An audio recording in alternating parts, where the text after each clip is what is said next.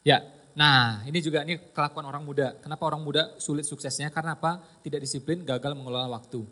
Oke, kalau Anda gagal mengelola waktu, saya sama tim sering marah kalau soal kayak ginian.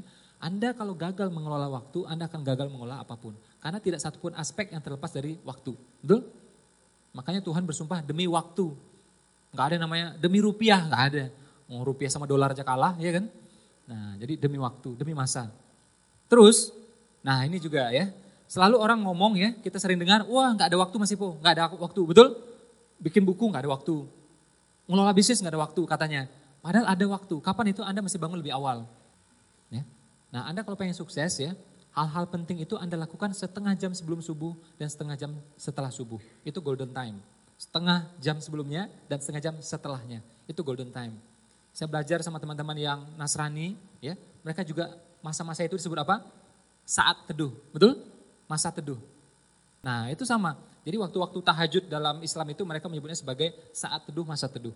Kalau kita tahajud, kata-kata kita didengarkan orang, diberatkan kata-kata kita. Nah kalau Anda misalnya pengen nulis, ngelola, bisnis, ngitung-ngitung, ya katakanlah nggak ada waktu, lakukan di situ. Setengah jam sebelum subuh dan setengah jam setelah subuh. Itu golden time, waktu-waktu istimewa. Oke, makanya pantang disuruh tidur kita. Pantang disuruh tidur. Kalau tidur nggak baik buat kesehatan. Sel darah putih dan macam-macam ya sampai ke mata itu nggak bagus harus bergerak. Makanya Umar itu ya begitu selesai sholat subuh dia langsung pergi ke Juruf, ke gunungnya, ke bukitnya ngurusin ladang-ladangnya. Itu Umar. Ya. Kalau dia beramal itu di awal sebelum subuh. Sholat subuh action. Makanya habis sholat subuh tidak ada sholat penutup, langsung action. Betul? Itu kita dianjurkan untuk bergerak. Kalau sholat lain ada penutupnya, ada penutupnya, ada penutupnya. Itu tidak ada. Ya, asar dengan subuh itu tidak ada.